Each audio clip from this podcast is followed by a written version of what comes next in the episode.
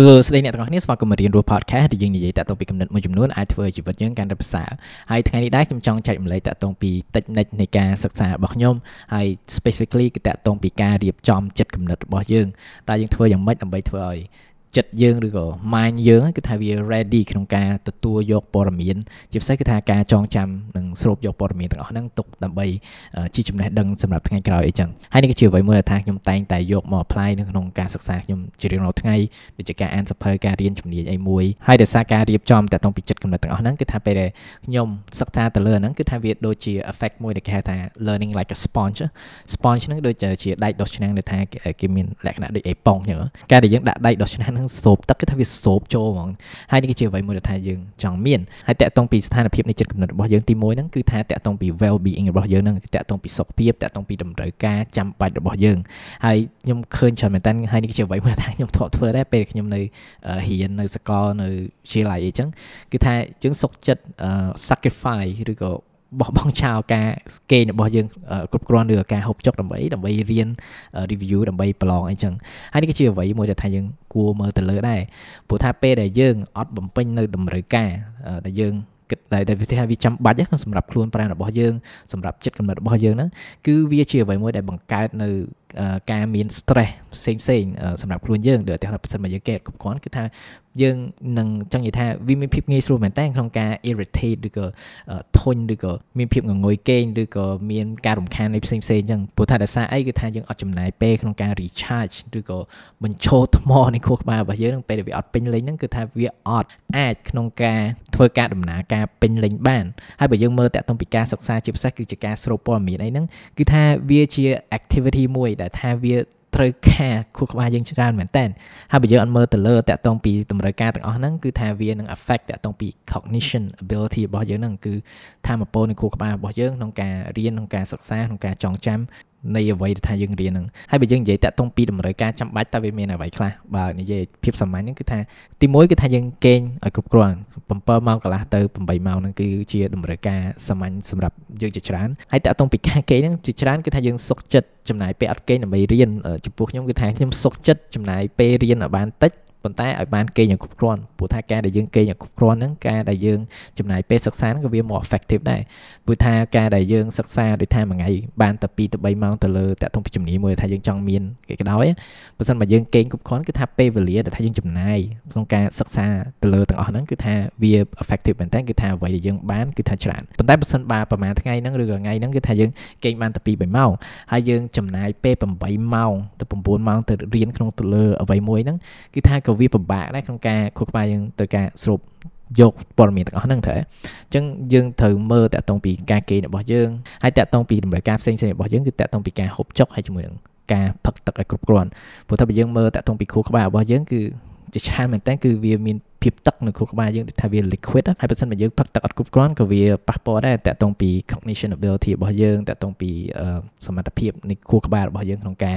សិក្សាទៅលើអ្វីមួយ ហើយតាក់ទងពីការហូបចុកអាហារផ្ទាល់ក៏វាសំខាន់ដែរមិនមែនមានថាយើងញ៉ាំហ្នឹងយើងចេះញ៉ាំញ៉ាំឲ្យបានទេយើងត្រូវគិតមើលដែរតែអាហារណាដែលវាល្អសម្រាប់យើងដូចថាប៉ះសិនបើយើងញ៉ាំតែអ្វីដែលផ្អែមផ្អែមអីចឹងដូចថាផឹកទឹកក្រូចអីចឹង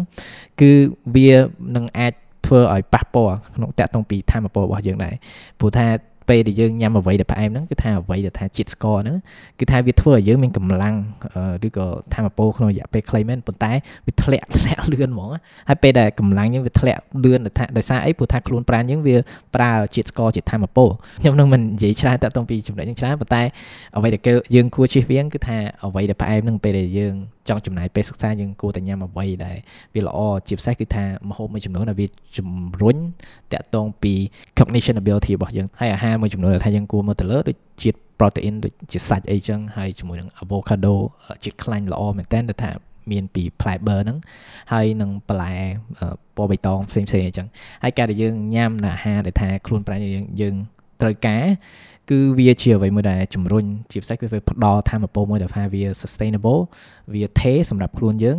ពេលដែលយើងរៀនអញ្ចឹងទៅគឺថាយើងអត់មាន distraction តាក់ទងពីធម៌ពលរបស់យើងឡើងចុះឡើងចុះឡើងចុះអញ្ចឹងតែវាភាពថេហ្នឹងគឺថាវាជាអ្វីមួយដែល ជួយដែរអញ្ចឹងញ៉ាំមកគ្រប់គ្រាន់គេយ៉ាងគ្រប់គ្រាន់ផឹកទៅគ្រប់គ្រាន់ហើយតាក់ទងពីស្ថានភាពនៃចិត្តរបស់យើងទី2ហ្នឹងគឺតាក់ទងពីការធ្វើឲ្យខួរក្បាលយើងវាទលាយព្រោះថាជាធម្មតាគឺថាយើងផ្ទុកទុកតាក់ទងពីព័ត៌មានជាច្រើនមែនតើនៅក្នុងខួរក្បាលរបស់យើងអញ្ចឹងថាពេលដែលខួរក្បាលយើងចង្អៀតគឺថាវាពិបាកមែនតើក្នុងការស្រូបព័ត៌មានថ្មីទៅ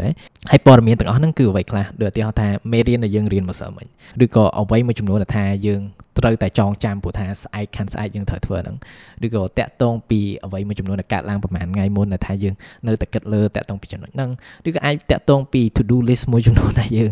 ត្រូវធ្វើអញ្ចឹងអានេះដូច clear មួយដែលនិយាយដោយ Ryder Carroll អ្នក creator នៃ bullet journal គាត់និយាយថា you can only declutter your mind by externalizing your thoughts បើបកប្រែជាខ្មែរគឺថាយើងអាចធ្វើឲ្យខួរក្បាលយើងវាមានភាពទលាជាងមុនបានប៉ះសិនបើយើងបញ្ចេញនៅការគិតរបស់យើងទៅលើជាការសរសេរ journal អញ្ចឹងហើយនេះគឺជាអ្វីមួយដែលខ្ញុំតែងតែធ្វើគឺថាខ្ញុំពេលដែលខ្ញុំមានការគិតអ្វីមួយឬក៏ពេលដែលខ្ញុំមាន inspiration ឬក៏មាន to do list អីចឹងគឺខ្ញុំតែងតែ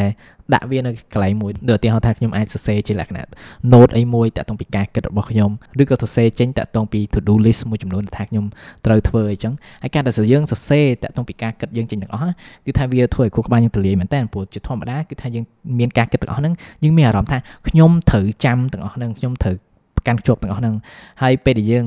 ទុកទុកទុកអឺតាក់ទងពីព័ត៌មានទាំងអស់ហ្នឹងគឺថាវារារាំងយើងក្នុងការស្រូបនៅអ្វីថ្មីហើយវាជាអ្វីមួយដែលរំខានយើងដែរតាក់ទងពីការសិក្សាព្រោះថាពេលដែលយើងសិក្សាលើអ្វីមួយអញ្ចឹងទៅគឺថា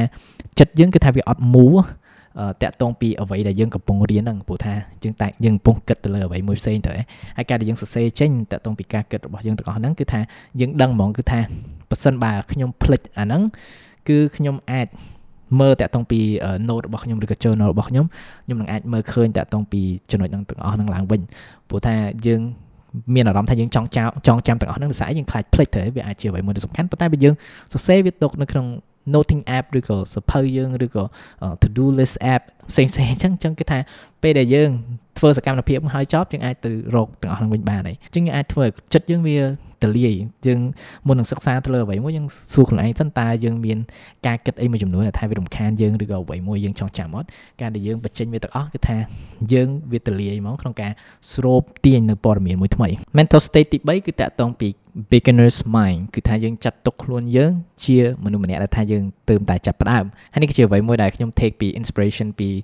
Zen master ម្នាក់ឈ្មោះ Shunro Suzuki ដែលគាត់ធ្លាប់បាននិយាយថា in a beginner's mind there are many possibility in an expert mind there are few មានន័យថានៅក្នុងចិត្តគំនិតរបស់អ្នកដែលចាត់ទុកខ្លួនឯងជាមនុស្សម្នាក់ដែលទើបចាប់ផ្ដើម ឬក៏មនុស្សម្នាក់ដែលថាអត់ចេះអីមួយអញ្ចឹងគឺយើងចាប់ផ្ដើមមានឱកាសច្រើនមែនតើប៉ុន្តែបើសិនបើយើងចាត់ទុកខ្លួនយើងគឺអ្នកជំនាញឬក៏យើងចេះដឹងច្រើនហើយយើងអត់ចាំបាច់រៀនអីទេគឺថាឱកាសឬក៏ possibility គឺតិចមែនតើហើយនេះគឺជាអ្វីមួយដែលថាខ្ញុំមើលមកគឺថាវាសំខាន់មែនតើសម្រាប់យើងទាំងអស់គ្នាព្រោះពេលដែលយើងរៀនអ្វីមួយជាពិសេសគឺថាពេលដែលនៅសាលាគឺថាយើងត្រូវបានដាក់បន្ទុកទៅលើនៅអ្វីដែលយើងធ្វើហើយជាពិសេសគឺថាបើយើងអត់បន្ទុកអត់គ្រប់ទេគឺថាយើងប្រឡងអត់ជាប់អីចឹងគឺថាយើងអាចអត់អាចបន្តទៅរៀនថ្នាក់បន្ទាប់បានអីចឹងបើសិនបើយើងអត់គ្រប់ criteria របស់គេហើយដោយសារហេតុហ្នឹងគឺថាយើងចាប់ផ្ដើមមានភាពភ័យខ្លាចមែនតើក្នុងការបង្កើតតាក់ទងពីកំហុសហើយខ្ញុំគិតថាកំហុសគឺមិនមែនជាអ្វីមួយដែលយើងគួរខ្លាចទៅលើទេការដែលយើងចាត់ទុកខ្លួនឯងគឺថាយើងគឺជាមនុស្សម្នាក់ចាប់ផ្ដើមគឺថាយើងចាប់ផ្ដើម free ខ្លួនឯងគឺថាយើង allow តាក់ទងពីការមានភាពឯករាជ្យក្នុងការបង្កើតនៅកំហុស អីមួយចំនួនវាដូចជា clear មួយទៀតអានិយាយដោយ Ken Robinson គឺគាត់និយាយថា if you're not ready to make a mistake you're never going to try anything original មានន័យថាបើសិនបើយើងអត់ត្រៀមខ្លួនឯងទេក្នុងការបង្កើតនៅកំហុសអីមួយគឺថាយើងអាចនឹងធ្វើអ្វីមួយថ្មីឬក៏អាចរៀននឹងអ្វីមួយថ្មីហើយការដែលយើងរៀនជំនាញអីមួយអញ្ចឹងទោះបីជាយើងមានជំនាញទៅលើអ្វីមួយផ្សេងដែលយើងធ្លាប់មានជំនាញហើយហើយយើងចង់មានជំនាញលើថ្មីគឺថាយើងត្រូវចាប់ផ្ដើមនៅ cycle ម្ដងទៀតគឺថាយើងចាត់ទុកខ្លួនឯងគឺ ជាមនុស្សម្នាក់ដែលទើបចាប់ផ្ដើមគឺជាសិស្សហើយការដែលយើងធ្វើបែបហ្នឹងគឺថាយើងចាប់ផ្ដើមផ្ដល់ឱកាសឲ្យខ្លួនយើងក្នុងការរៀននិងស្រូបទាញតាក់ទងពីព័ត៌មានទាំងអស់ហ្នឹងគឺថាយើងកុំភ័យខ្លាចហើយជាពិសេសកុំអន់ចិត្តថាយើងទើបតែចាប់ផ្ដើមហើយយើងគឺថាកម្រិតរបស់យើងនៅទាបអីចឹងព្រោះថាអ្វីដែលយើងគួរយល់ដឹងគឺថាអ្នកដែលជំនាញអ្នកដែលមានសមត្ថភាពខ្លាំងទៅលើជំនាញក៏ដោយគាត់ក៏ចាប់ផ្ដើមពីចំណុចដូចយើងដែរហើយដូចខ្ញុំសពថ្ងៃអញ្ចឹងគឺថាខ្ញុំរៀននិងយល់ដឹងស្រូបទាញតាក់ទងពីប្រធានបទ ផ្សេងផ្សេងជាច្រើនមែនតើដែលថាខ្ញុំមានចំណាប់អារម្មណ៍ទៅលើហើយពេលដែលខ្ញុំចាប់ផ្ដើមនៅប្រធានបទថ្មីអញ្ចឹងគឺថាខ្ញុំចាប់ផ្ដើមពីចំណុច0មកវិញហើយហើយនេះគឺជាអ្វីមួយដែលថាខ្ញុំចូលចិត្តមែនតើគឺថាវាធ្វើឲ្យខ្ញុំទីថាចាប់ចេះដាក់ខ្លួនណាតាក់ទងពីចំណេះដឹងនៅអ្វីដែលខ្ញុំយល់ដឹងគឺថាវាមើលមកគឺថាមានអ្វីជាច្រើនមែនតើថាខ្ញុំអត់ទាន់យល់ដឹងអញ្ចឹងខ្ញុំធ្វើឲ្យខ្លួនខ្ញុំជាសិស្ស ម្ម្ដងទៀតហើយដោយសារខ្ញុំចាត់ទុកខ្លួនឯងជាអ្នកកំពុងរៀនម្នាក់ក៏វាជាអ្វីមួយដែលជំរុញខ្ញុំក្នុងការបន្តនឹងស្រូបទាញតាក់ទងពីអ្វីដែលខ្ញុំចង់សិក្សាទៅលើផងដែរអញ្ចឹងនេះជា mental state 3ដែលខ្ញុំគិតថាវាល្អមែនតើដែលយើងរៀបចំខ្លួនយើងមុននឹងយើងរៀនតាក់ទងពីព័ត៌មានអីមួយ ថ្មីឬក៏តាក់ទងពីជំនាញអីមួយថ្មីគឺថាវាធ្វើឲ្យយើងស្រូបទាញតាក់ទងពីចំណេះដឹងហ្នឹងគឺថាវាលឿនជាងមុនច្រើនមែនតើគឺថាទី1គឺថាយើងមើលតាក់ទងពីតម្រូវការរបស់យើងផ្ទាល់តាក់ទងពី well being របស់យើងផ្ទាល់យើងញ៉ាំគ្រប់គ្រាន់អត់តែយើងញ៉ាំនៅអ្វីដែលត្រឹមត្រូវអត់យើងផឹកទឹកគ្រប់គ្រាន់អត់ហើយយើងគេងគ្រប់គ្រាន់អត់ព្រោះទាំងអស់ហ្នឹងការដែលយើង take care ពីខ្លួនឯងហ្នឹងក៏វាកាត់បន្ថយ នៅ stress ហើយនឹងអារម្មណ៍ដែលថាវាអាចរំខានយើងច្រើនតាក់ទងពីអ្វីដែលយើងរៀនទី2គឺថាយើងចាប់ផ្ដើមធ្វើឲ្យខួរក្បាលយើងវាទលាយដោយបញ្ចេញនៃការគិតទាំងអស់គឺថាយើង